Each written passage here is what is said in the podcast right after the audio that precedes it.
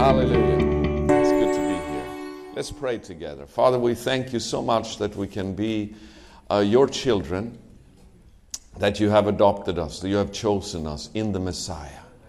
Hallelujah. Before the foundation of the world, to be pure and blameless in Him before you. Thank you for the reminder of the sacrifice this morning.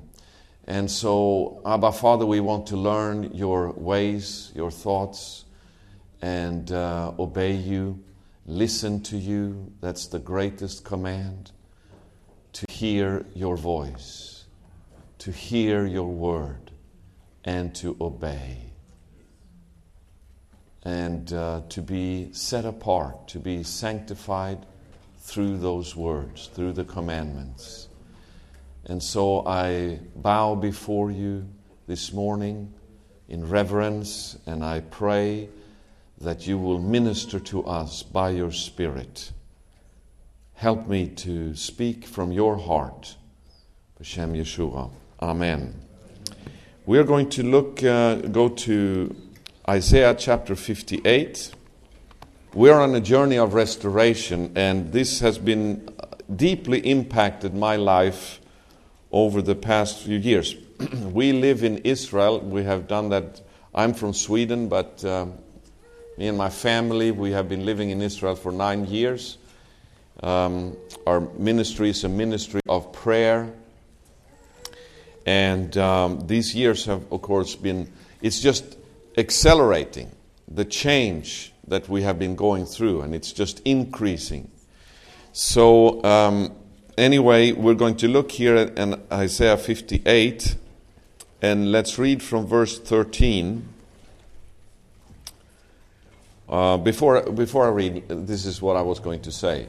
One of the most um, ama- amazing changes that we have been going through, and I can relate to what our brother said. You know, it's so powerful when you discover that there is only one Bible. I mean, know what I'm talking about. You don't divide up anymore. You know, all of it is the Word of God from cover to cover. I have a friend of mine, a Jewish friend of mine. He used to work with an evangelist, uh, not a Jewish evangelist, but a. Anyway. and he used to say in his meetings to those who got saved, now you must remember, you must read the whole Bible from Matthew to Revelation. You must read it all. There are many with this, that kind of concept. And you know, they say, ah, that's the Old Testament. We're not in the Old. You know, the Old Testament, that phrase is not in the Bible. That's, a, that's an invention of man. The Old Testament is not called the Old Testament, it's called the Holy Scriptures. Doesn't that give you a completely different view this is the Holy Scriptures that we're reading here. And I, I have news for you if, in case you're here and uh, it is new to you. You know, there's only one God, and He never changes. Amen? Amen? He is the same yesterday, today, and forever. There is no change, there's no turning in Him.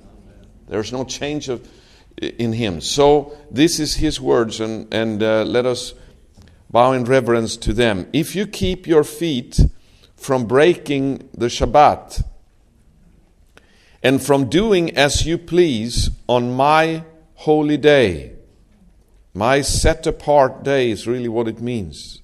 Set apart for Him. Holy just means set apart.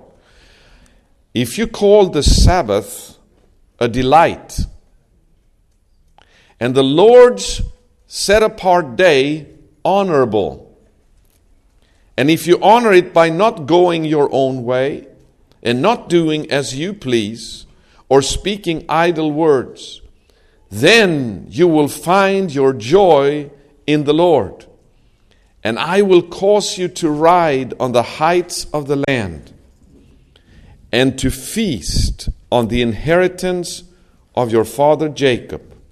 The mouth of the Lord has spoken powerful promises, uh, very, very sober um, words, but also very powerful promises. If we keep the Lord's day, and we call it our de- delight.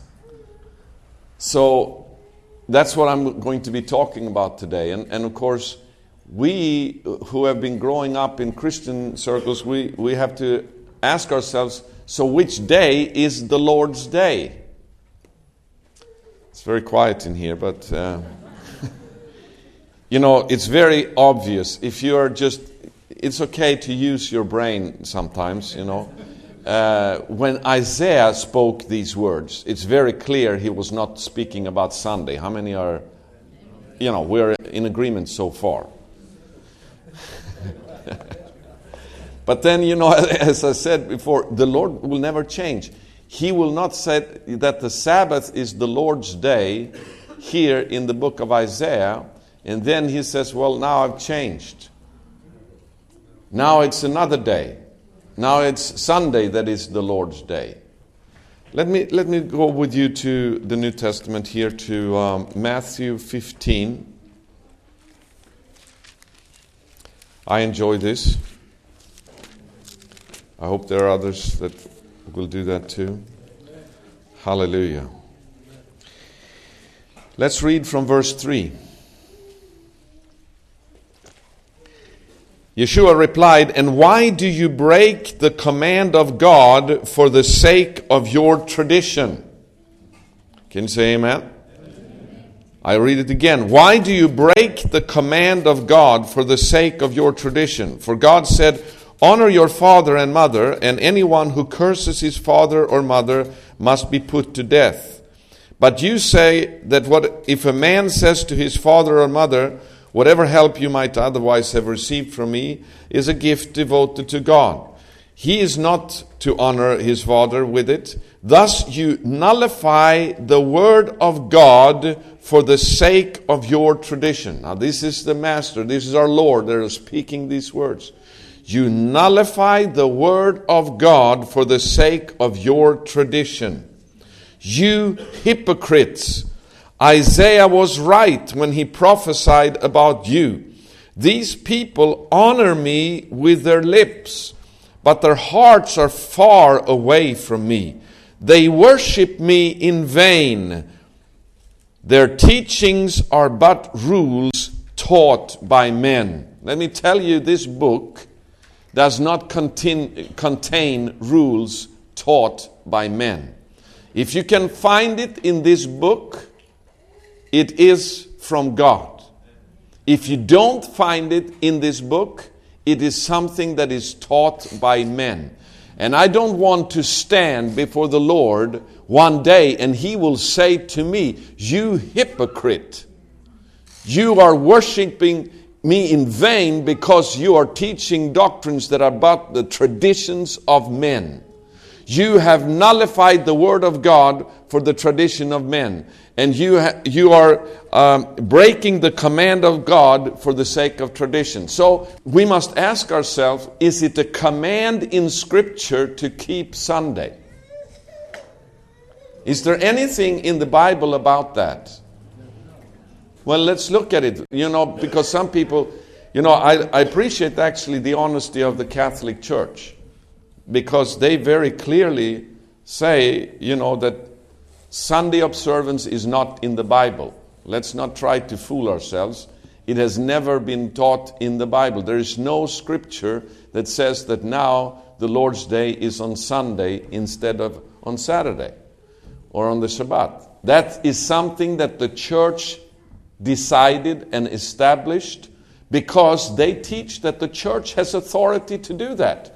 We have the gift of the Spirit, so we are, have the keys to the kingdom of heaven. Whatever we bind is bound in heaven, whatever we loose is loosed in heaven. We have the authority to decide that, that Sunday is now the Lord's day. So I, I've read this how uh, Catholic priests they say to Protestants, you, you say only the scriptures. You know, that's hypocrisy. Why do you keep Sunday if you only stick to the scriptures? Because Sunday is not in the Bible. Hello? you know, at least they're honest. But, uh, you know, if we want to say we only believe in the Word of God and still we break the Sabbath by keeping another day that is not the Lord's day. You see, throughout Actually, I read this verse here from the book of Isaiah, chapter 58, where it talks about the Sabbath as the Lord's day. You might be more familiar with Scripture than what I am. Uh, and tell me if there's any other place in the Tanakh, in the so called Old Testament, where the Sabbath is called the Lord's day. But here it is clearly spoken of as the Lord's day. Otherwise, except for this passage in the book of Isaiah, I'm going to check it up so I can be sure next time I speak about this. Maybe Herschel, you already have something that you can add to this. But anyway, otherwise, in Scripture, the Lord's day is always referring to the day of judgment. When the expression the Lord's day is there, it refers to the day you know, pattern after the Sabbath. Because the seventh day is the Lord's day. So also with, um, with history, that man has been given six days. Six, after 6,000 years, the day of the Lord will come. The Sabbath is going to break upon the earth. Hallelujah. The time of refreshing as it is spoken of in, in uh, Acts chapter 3. If you want to go with me to Acts chapter 3, where um, Peter is saying from verse 19 to those Jews who were in the temple uh, to pray with him and John as they went up to the hour of prayer uh, in the temple. Repent then and turn to God so that your sins may be wiped out. Let's see three things that will happen when the Jewish people repent. First of all, it says that your sins may be wiped out. That's happening to every person who repents. Secondly, it says that the times of refreshing may come from the Lord. There is one translation, I forget which, that I read uh, several years ago that says that the time will come when we will breathe out. That's the day of rest. This is the day of refreshing when you rest, when you cease from your labor. If you've been very, very busy and then you, what you have been doing is finished, then you can sit down and you breathe out. It's over.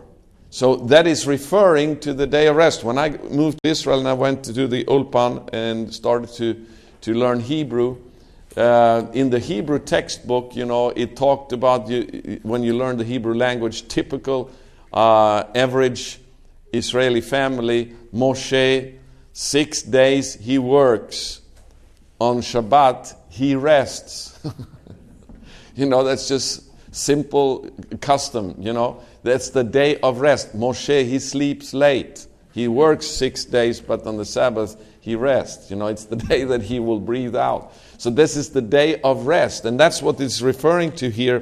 When the Jewish people repent, the time of refreshing, the time of rest, the Sabbath is going to break upon the earth.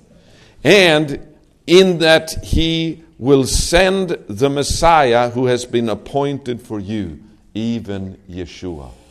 This is the unique calling on the Jewish people that their, their repentance and turning to God will result in life from the dead for the whole world.